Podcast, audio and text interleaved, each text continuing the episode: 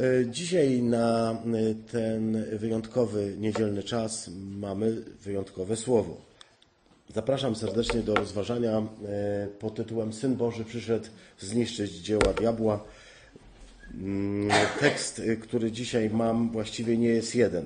Są nieraz takie nabożeństwa i takie kazania, takie rozważania i refleksje, w których nie wiem z jakich powodów, ale nie mogę się zdecydować na jeden tekst.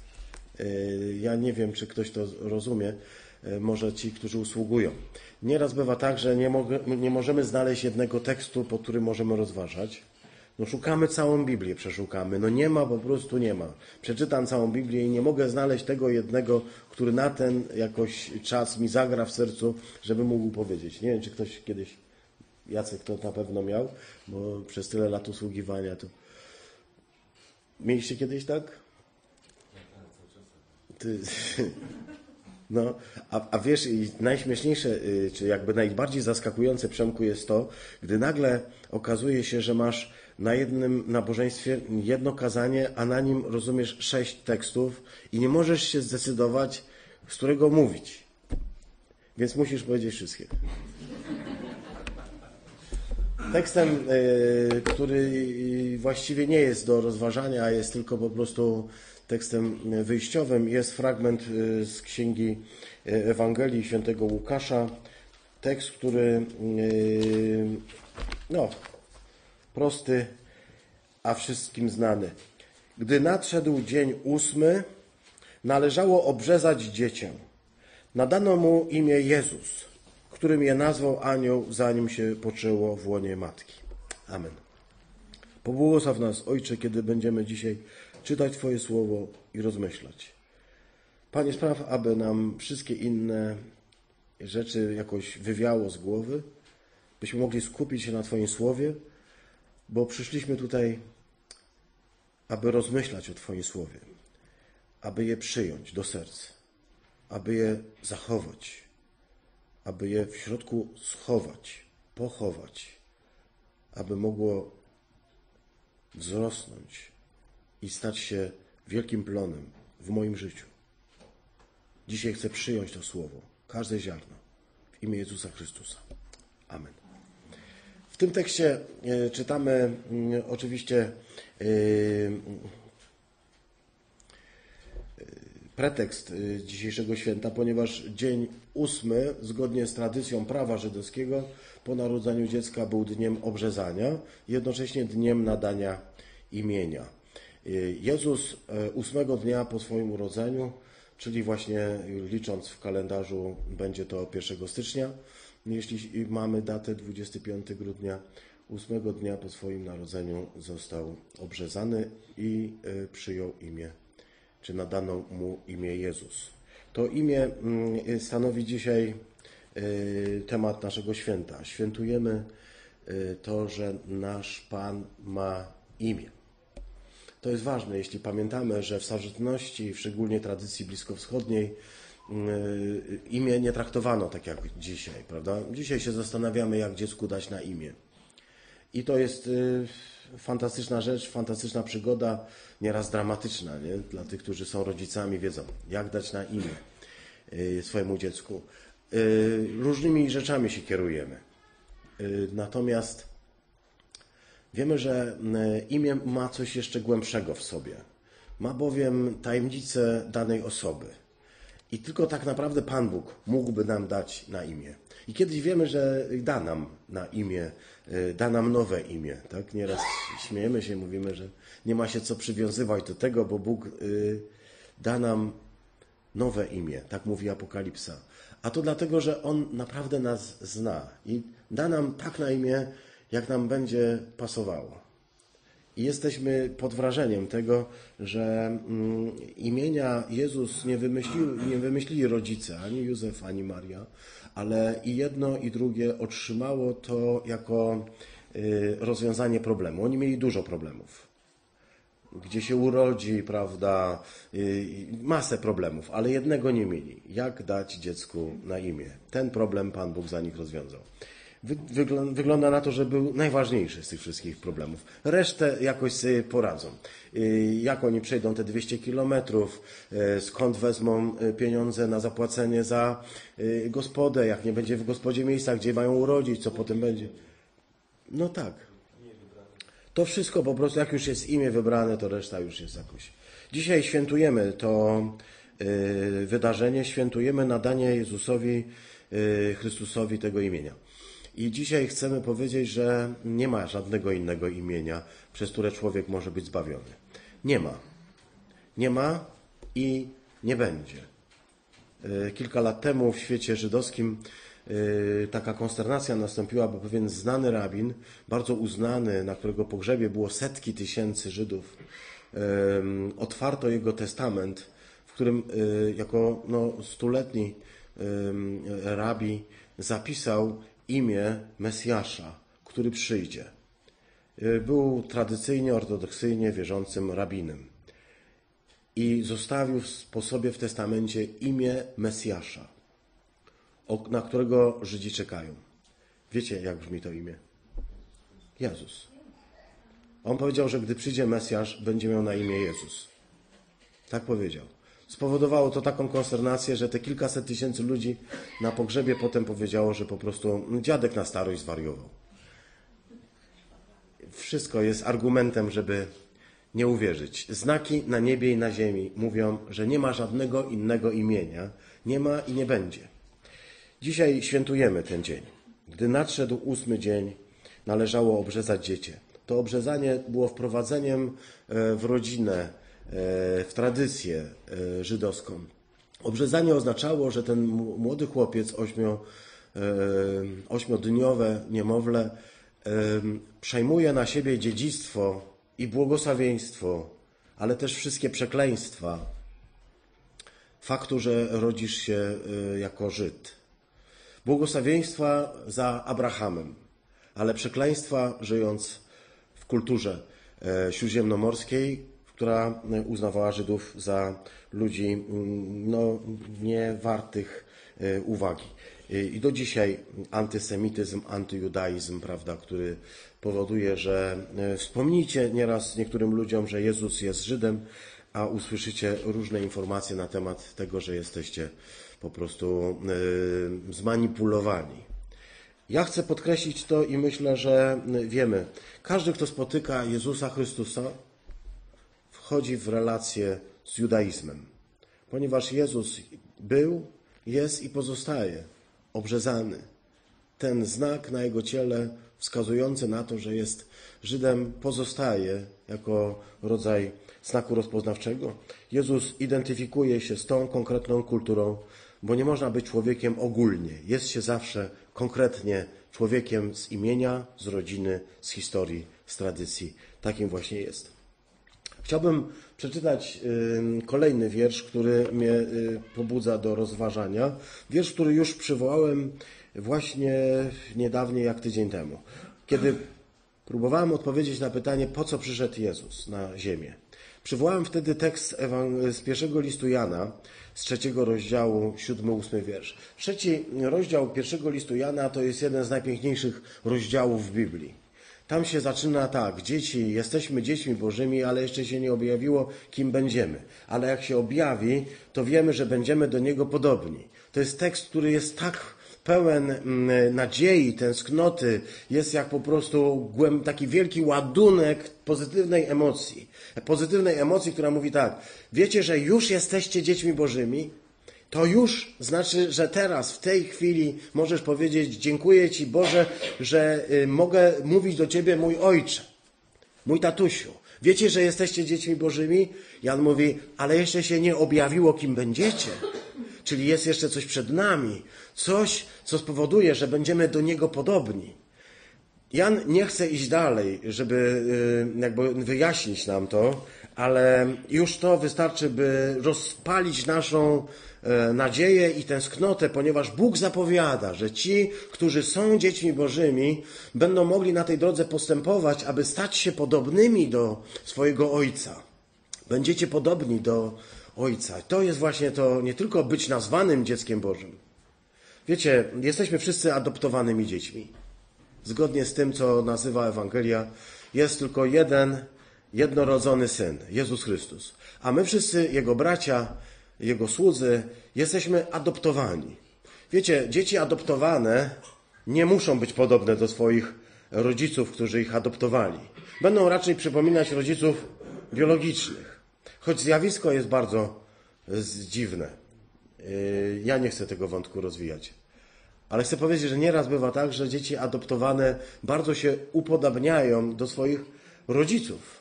Nie tych biologicznych, tylko tych, którzy je zaadoptowali. To znaczy, że e, nie tylko biologia odgrywa rolę e, w budowaniu naszej tożsamości, ale szczególną rolę odgrywa w nas wychowanie, przebywanie, słuchanie, naśladowanie. Jeśli ktoś mówi, że Kościół nie jest ważny, że nie jest ważnym miejscem, to ja chcę powiedzieć, a gdzie masz rozpoznać, że Bóg jest Ojcem, jeśli nie w Kościele? Tutaj dzięki temu, że przebywamy ze sobą, że e, ze sobą się zgrywamy, powiedziała to wczoraj nam, powiedziała to mi wczoraj Ewa, nie wiem, jesteś Ewunia? E, Ewa powiedziała mi to, że e, jest dla niej to czymś szczególnym, że widzi rozwój wspólnoty, rozwój. Że widzi, że ludzie się lepiej poznają, zaczynają się lubić do tego stopnia. Kiedyś przychodziliśmy jako samodzielne wyspy, które siedziały sobie, siedziały i każdy sobą się zajmował. Teraz zaczynamy dostrzegać innych, zaczyna grać w nas w coś, bo właśnie o to chodzi. Ponieważ dzięki tej rodzinie adoptowanych synów zaczynamy być podobni do Ojca. I to jest radość wielka, i to jest nasza przyszłość, i to jest nasza nadzieja. Ten pięknie rozpowiadający się, rozpoczynający się rozdział trzeci jednak idzie dalej tak. Dzieci, niech was nikt nie zwodzi. Kto postępuje sprawiedliwie, ten jest sprawiedliwy, tak jak on jest sprawiedliwy. Ale kto czyni grzech, ten jest z diabła, ponieważ diabeł od początku grzeszy. Po to właśnie objawił się Syn Boży, Syn Boga, aby zniszczyć dzieła diabła. Jan tu chce powiedzieć, że w całym liście zresztą, w całym tym pierwszym liście mówi rzeczy, które są trudne do pojęcia. Mówi bowiem, że ten, kto grzeszy, jest synem diabła. Ale chcemy powiedzieć, Jan, ale my wszyscy mamy kłopot z grzechem. To znaczy co? Nie jesteśmy dziećmi Boga, tylko synami diabła? No nie.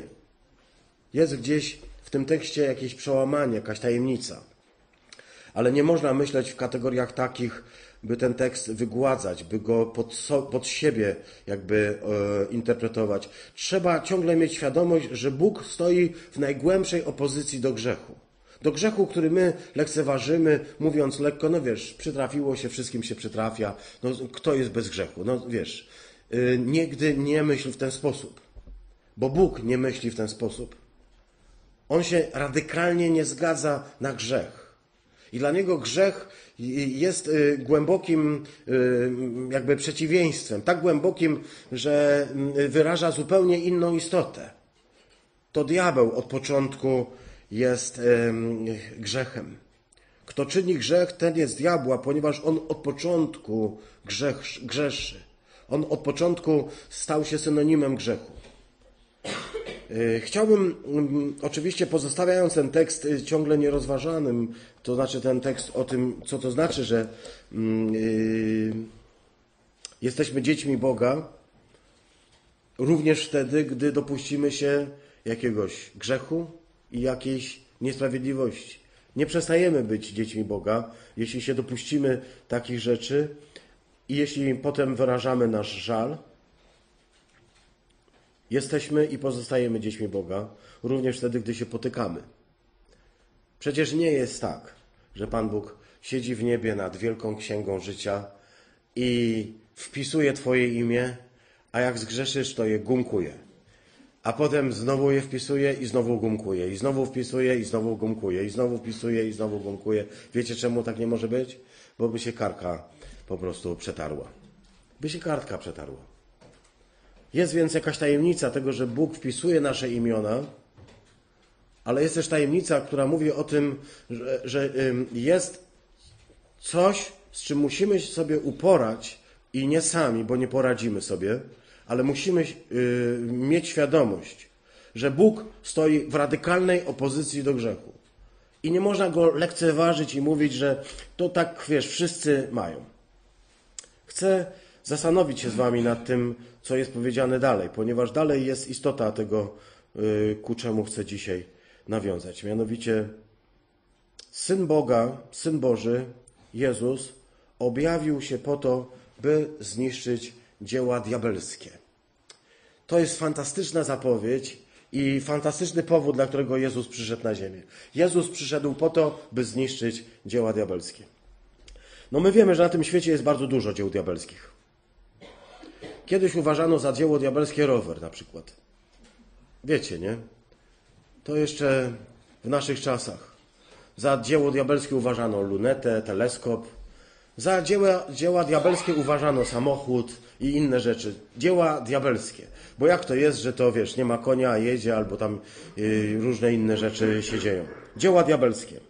Co ci przychodzi na myśl, co tobie przychodzi na myśl, kiedy słyszysz dzieło diabelskie?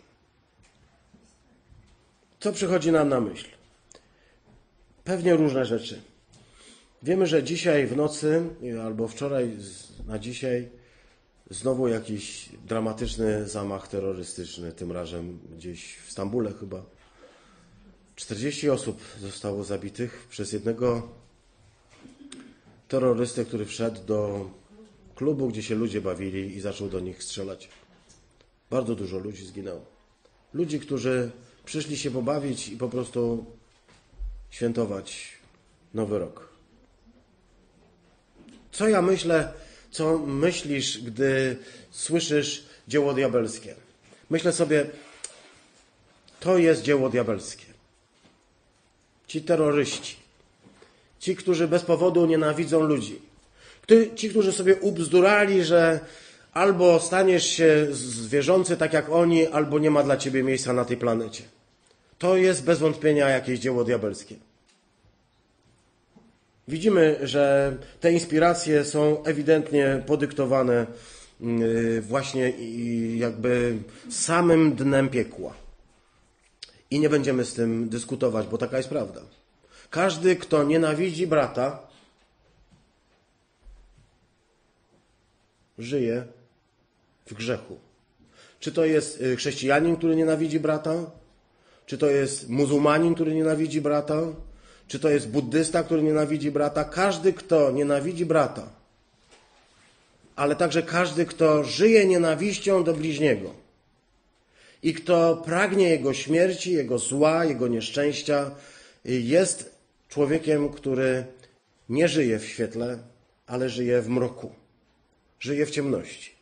I psychologowie mogliby to nawet wyjaśnić, na czym polega ta, ten fenomen życia w mroku, kiedy żyje się w nienawiści, kiedy całymi latami żyje się w nieprzebaczeniu, kiedy żyje się z myślą, e, jakby sumie nieszczęść, które powinny dotknąć osobę, która jest przyczyną może także moich jakichś frustracji. Taka osoba żyje w mroku, żyje w ciemności i Biblia słusznie mówi, taka osoba nie jest w Bogu. Jesteśmy głęboko przekonani, że te dramaty związane z mordowaniem bezbronnych ludzi mają swoją inspirację w samym dnie piekła. I taka jest nasza odpowiedź. Ale kiedy słyszę dzieła diabelskie, to mogę myśleć sobie też i o innych rzeczach. O ekonomii, o korporacjach, które ogarniają świat, o różnego rodzaju y, koncernach, y, które powodują, że wykorzystuje się ludzi do ciężkiej pracy niewolniczej. Nie wiem, czy to prawda, ale podobno zaledwie kilka, kilkanaście koncernów na świecie decydują praktycznie o wszystkim, jeśli chodzi o to, jakie rzeczy są produkowane, jakie wynalazki. Y, nie chcę, absolutnie nie jestem zwolennikiem teorii spiskowych i nie będę ich tutaj promował.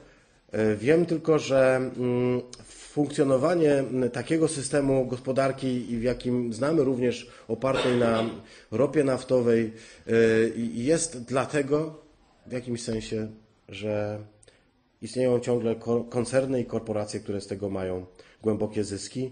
Moglibyśmy funkcjonować na innym etapie, ale ktoś ma z tego duże zyski. I to jest moim zdaniem też jakieś dzieło diabelskie. Ekonomia, w której, która opiera się na tym, że jeden człowiek zarabia nieskończone miliony, a drugi ma dolara na przeżycie dnia. Czy jest w tym jakakolwiek, choćby podstawowa e, idea sprawiedliwości? Czy to, że niektórzy mają zarobki takie jak budżet małego państwa? Czy to jest w ogóle, y, czy można to usprawiedliwić czymkolwiek innym niż tym, że jest to z gruntu absolutnie nie do przyjęcia? Nie można. Ja nie potrafię. Rozumiem, co to znaczy, że niektórzy mają talenty i zdolności, potrafią kopać piłkę, ale nie rozumiem tego, żeby tak demoralizować społeczeństwa. Że społeczeństwo, które ma 20-30% bezrobocia, bo mówię tutaj o pewnych państwach, jednocześnie y, dawały zawodnikom zarabiać po 30-50 milionów euro, tak? A 20% młodych ludzi, 30% młodych ludzi nie ma pracy a ktoś zarabia tyle, ile małe państwo ma budżetu. Przecież to się nie mieści w głowie, to jest demoralizujące. To jest jakieś diabelstwo, moim zdaniem, choć mogę się tutaj, jakby nie, nie, nie chcę tutaj wchodzić w, w żaden rodzaj dysputy. Każdy ma prawo mieć swoje zdanie. Ekonomia, moglibyśmy powiedzieć, a co z religią? Czy religia nie jest powodem, e, czy nie jest, nie ma diabelstwa w religii? No właśnie to, co widzimy to, że niektórzy krzycząc y, jakieś religijne hasła, wykrzykując imię swojego Boga, którego przez szacunek dla waszych uszu nie będę powtarzał, mordują, zabijają. Wydaje się, że religia jest źródłem nieszczęść. Nie tylko ta. I mm, inne religie źródłem nieszczęść. Może w ogóle religia jest przyczyną y, nieszczęść i ma coś z diabelstwa. A może możemy wymienić jeszcze inne y, dzieła diabelskie. Alkohol, narkotyki, możemy wymienić władzę, możemy powiedzieć pieniądze, możemy powiedzieć media. Różne, różne dziedziny y, życia społecznego, w których możemy zobaczyć dzieła diabelskie. Jezus przyszedł po to, by te dzieła diabelskie zniszczyć. Ale nie po to, by zniszczyć ekonomię, by zniszczyć to, co wiemy o kulturze, ponieważ mamy świadomość, może nawet doskonale wiemy o tym, że to nie kolejne elementy, które moglibyśmy wymieniać, są dziełami diabelskimi, bo największym dziełem diabła nie jest ekonomia, ani nawet alkohol. Największym dziełem diabła nie jest nawet religia. Największym dziełem diabła jest jego misterna praca w moim sercu. Największym dziełem diabła jest moja stara natura. Moja stara natura jest największym dziełem diabła, ponieważ z tego będzie płynęło wszystkie zło na świat. Ze starej natury mojej, Twojej, naszej, ze starej natury ludzi płyną wszystkie nieszczęścia, jakie są na świecie. I to jest największe dzieło diabła, jakie udało mu się zrobić. Jeśli Jezus Chrystus po coś przyszedł, to właśnie po to, by to dzieło diabła zniszczyć. Ale tym dziełem diabła nie będą terroryści, ani nie będą rozumiani ekonomiści, banki czy media, nie będą jakieś inne rzeczy. To, z czym się Chrystus przyszedł rozprawić definitywnie i ostatecznie, to jest moja stara natura. Moja stara natura. Bogu dziękuję za to, że kiedy pewnego dnia wydarzyło się w moim życiu taki cudowny moment, takie cudowne e, zjawisko, że przyszedł i pokazał mi, że nie muszę żyć pod pręgierzem mojej starej natury. Że chcę tę starą naturę zniszczyć, że chcę ją całkowicie odebrać. Zobaczcie, gdy czytamy, że Chrystus przyszedł po to, by zniszczyć dzieła diabła, to to słowo zniszczyć możemy tłumaczyć także rozwiązać, unieważnić, zburzyć. On przyszedł, by to wszystko zrobić. I to nie dotyczy islamistów, nie dotyczy to komunistów, nie dotyczy to ekonomistów, nie dotyczy to czegokolwiek innego, co myślisz na zewnątrz. Dotyczy to tego, co może zrobić z tobą, co może zrobić ze mną. Przyszedł po to, by zniszczyć, zburzyć, by wyrugować cały system, y, który diabeł mi wdrukował w moją moralność, w moje myślenie. Przyszedł, aby to zniszczyć. I to jest Jego największe dzieło. I za to dzisiaj składam Jezusowi Chrystusowi pokłon i wdzięczność, ponieważ przyszedł uwolnić mnie od panowania tego fatalnego um, króla, którego wybrałem, od panowania diabła. Słowo diabeł, diabolos, to jest oszczerca. To słowo wykłada się jako oszczerca. Ktoś, kto przychodzi, by zarzucać fałsze, by y, rozciągać sieci, by pokazywać Tobie, mi y, rzeczywistości zupełnie inaczej. W jednej z publikacji przeczytałem takie zdanie. Diabeł jest istotą stworzoną, ale obdarzoną o wiele wyższą y, od człowieka inteligencją duchową, który w sposób świadomy wybrał bunt przeciwko Bożemu autorytetowi, by uzurpować sobie prawo do Bożego tronu i ustanowić samego siebie władcą tego świata, współzawodniczyć z Bogiem i z Nim nieustannie rywalizować. To właśnie w tym buncie zło znajduje swój początek. To dlatego diabeł od początku jest napisane. Od początku jest kłamcą, od początku tkwi w grzechu, ponieważ w sposób świadomy, inaczej może niż Ewa, inaczej może niż ty, inaczej może niż ja, w sposób świadomy wybrał bunt przeciwko Bożemu autorytetowi, by uzurpować sobie prawo, by zasiąść na tronie, na tronie świata, jako król świata, jako Bóg świata, ale także na moim i na Twoim tronie. To, co głosimy jako Kościół od początku, to to, by dokonać detronizacji tego władcy. Ludzie nie zdają sobie sprawy z tego, że żyjąc we własnym świecie, gdzie panuje y, ich ja, gdzie ich wola się spełnia, gdzie realizują siebie zgodnie ze swoją ideą, nie wiedzą, że za tym wszystkim, za to wszystko pociąga zły, prawda? Tego nie wiedzą, bo myśmy też nie wiedzieli. I gdyby nam ktoś to tłumaczył, byśmy powiedzieli, wygłupiasz się człowieku. Możliwe, że są dwa królestwa, jest królestwo ciemności i królestwo światłości, ale chcę ci powiedzieć coś, co powiedział mi kiedyś jeden młody człowiek. A ja żyję w swoim własnym królestwie. Wiesz, nigdy nikomu nie wytłumaczysz, że nie ma trzeciego. Że można należeć do Boga albo nie należeć do Boga i wtedy należeć do Królestwa Ciemności. Nie wytłumaczy człowiekowi, bo on jest przekonany, że jemu się udaje żyć między tymi dwoma światami. A my, Kościół, my chrześcijanie, my bracia i siostry w Chrystusie rozpoznajemy, że nie ma żadnego innego życia pomiędzy dwoma światami. Nie ma życia. Należysz radykalnie do Boga, albo do Niego nie należysz, a wtedy jesteś w Królestwie Ciemności. I ta radykalność może brzmieć jak fanatyzm, może brzmieć jak sekciarstwo i wiem, że to tak może brzmieć, ale to przynosi nam objawienie Jezusa Chrystusa. I dzisiaj, dzisiaj chcemy je głosić właśnie w ten dzień, 1 stycznia 2017 roku, że należę do Boga albo do Królestwa tego świata i nie ma czegoś innego i nie ma czegoś pomiędzy. Dlatego Kościół nie może stracić tej radykalności.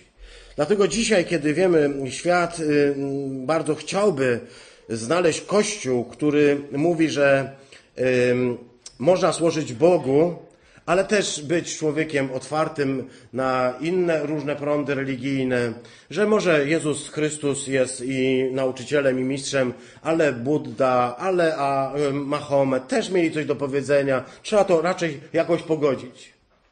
Jako Kościół chcemy powiedzieć, nie ma i nie będzie żadnego innego imienia, przez które człowiek może być zbawiony, jak tylko imię Jezus Chrystus. I to imię dzisiaj głosimy i mówimy, w tym imieniu jest zbawienie.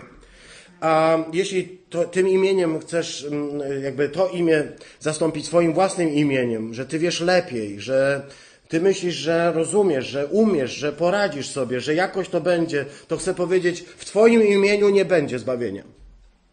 Ty sam nie osiągniesz zbawienia. Nie uczynisz go, bo ono przekracza twoje możliwości. Nie jesteś w stanie tego uczynić.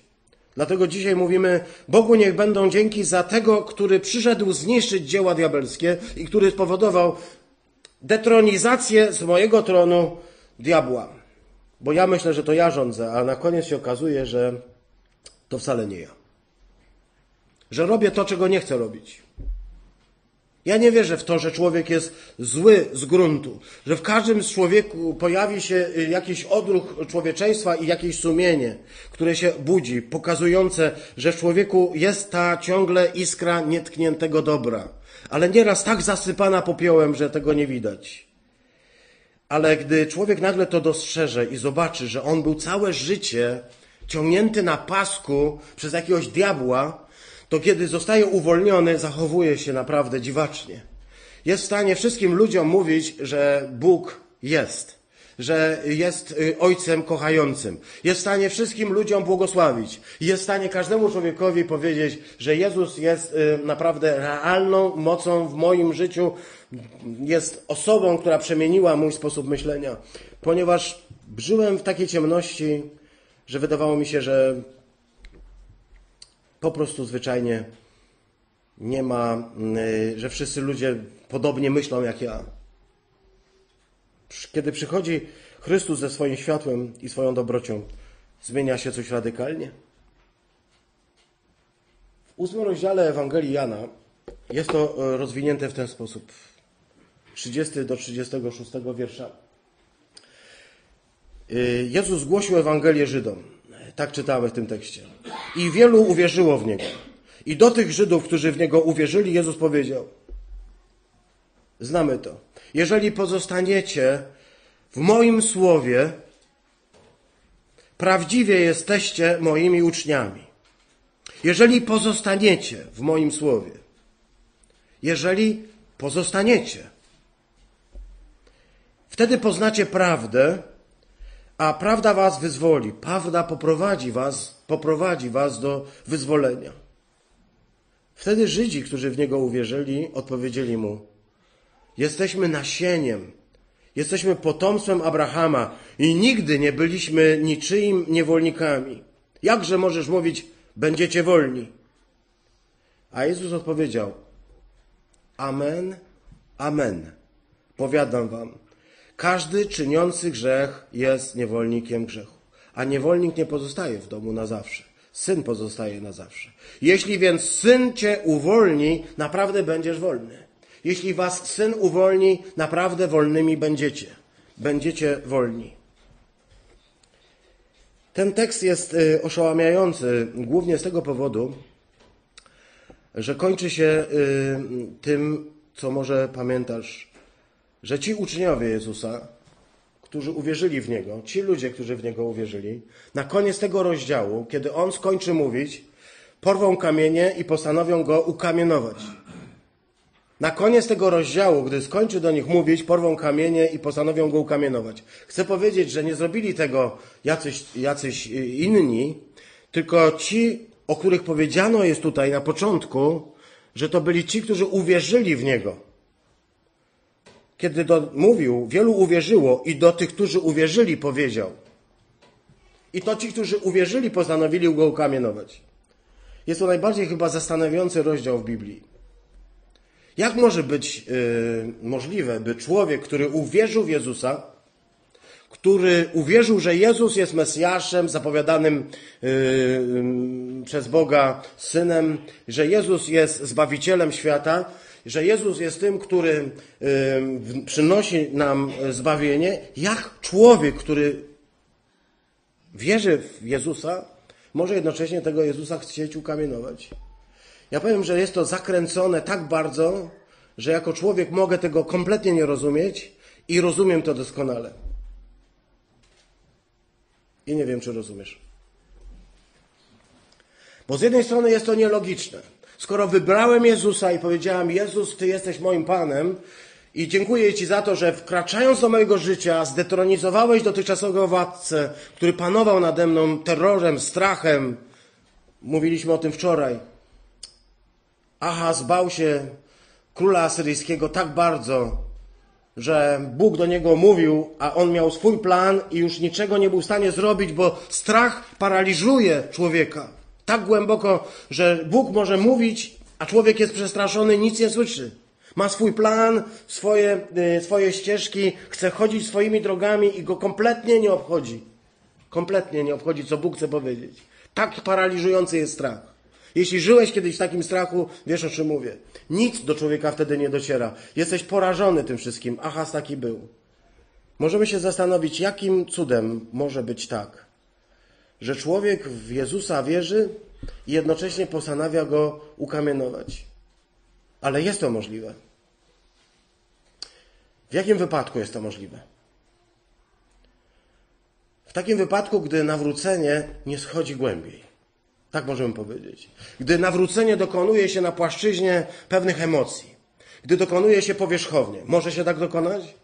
Po prostu, wiesz, spodobała mi się społeczność, spodobała mi się wspólnota, Podobają mi się ci ludzie, podoba mi się ten Jezus, podoba mi się, że uzdrawia, podoba mi się, że mówi z taką mocą, podoba mi się, że mówi, że bogaci nie odziedziczą Królestwa Bożego, a ja jestem właśnie biedny. I cię cieszę, że on powiedział, że to ubodzy odziedziczą. Bardzo mi się podoba, co mówi. Naprawdę. Jest e, radykalny, nie jest konform, e, konform, konformistą. Dziękuję. Podoba mi się jego postawa i cała jego taka e, ostrość. Ale może także mi się podoba, że uzdrawia, że wskrzesza umarłych. Bardzo, bardzo mi się podoba. Jezus bardzo mi się podoba. Ja bym chciał, żeby to On był właśnie królem mojego życia. Ale co ciekawe, mi się podoba to, co On robi wobec innych,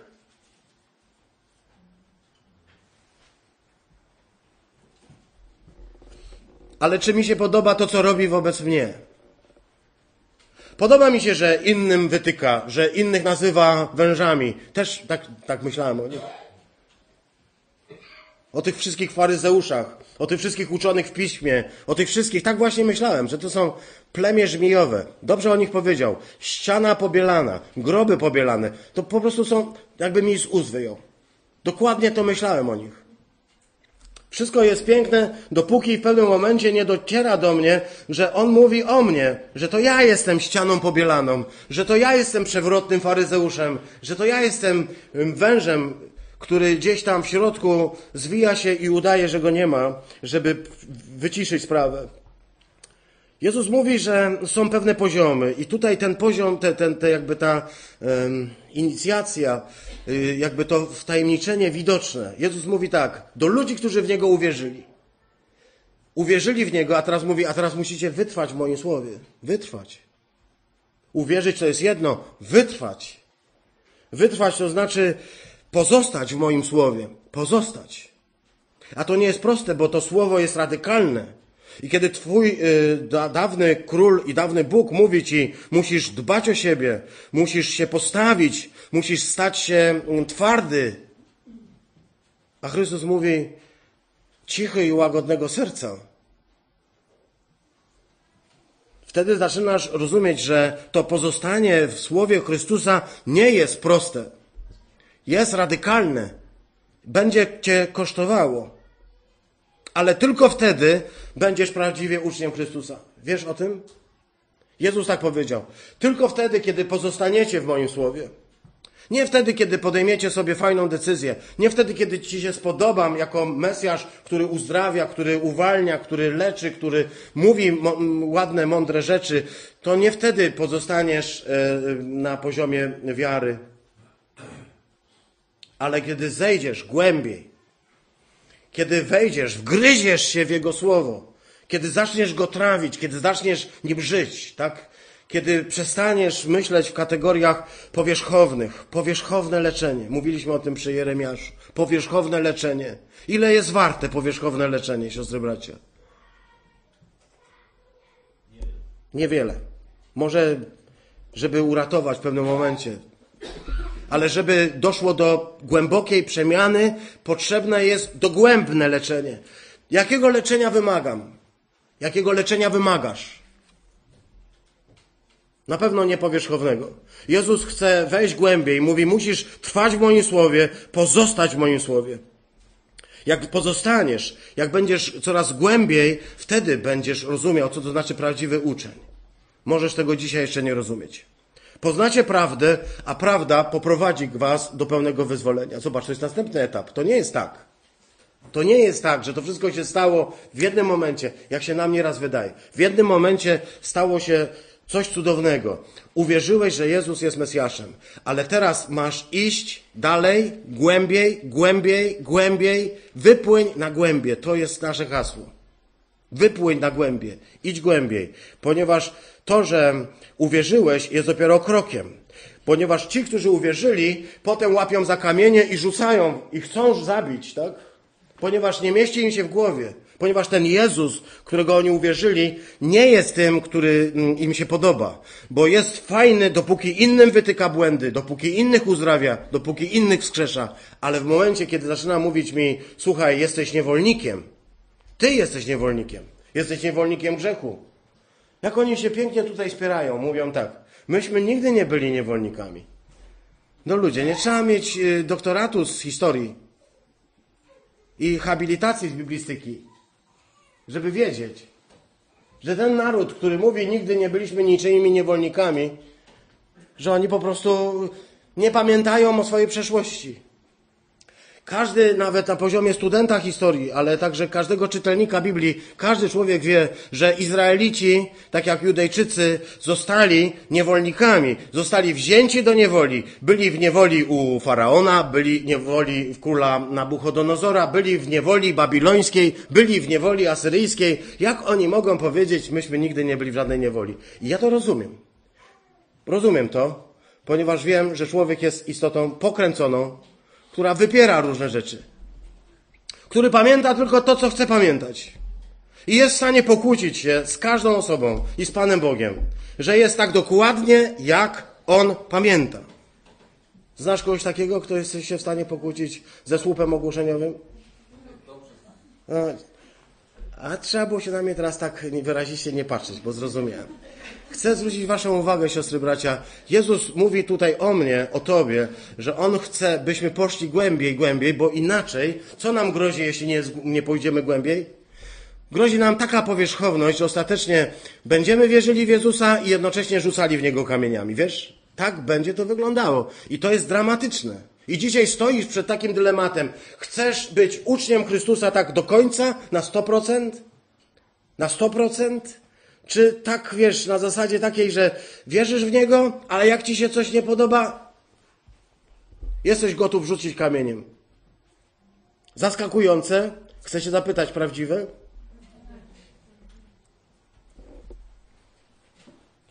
Jezus Chrystus został powołany do tego, został posłany po to, aby zbawić swój lud od jego ich grzechów. Tak powiedział anioł do Józefa.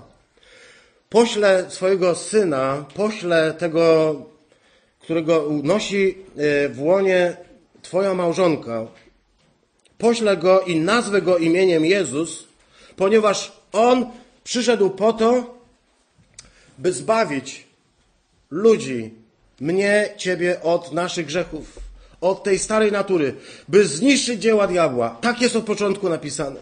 Jezus po to przyszedł, by zbawić nas od tego. I wreszcie, jeśli pozwolicie, e, na koniec tekst, e, który rozważaliśmy rok temu e, z księgi Izajasza.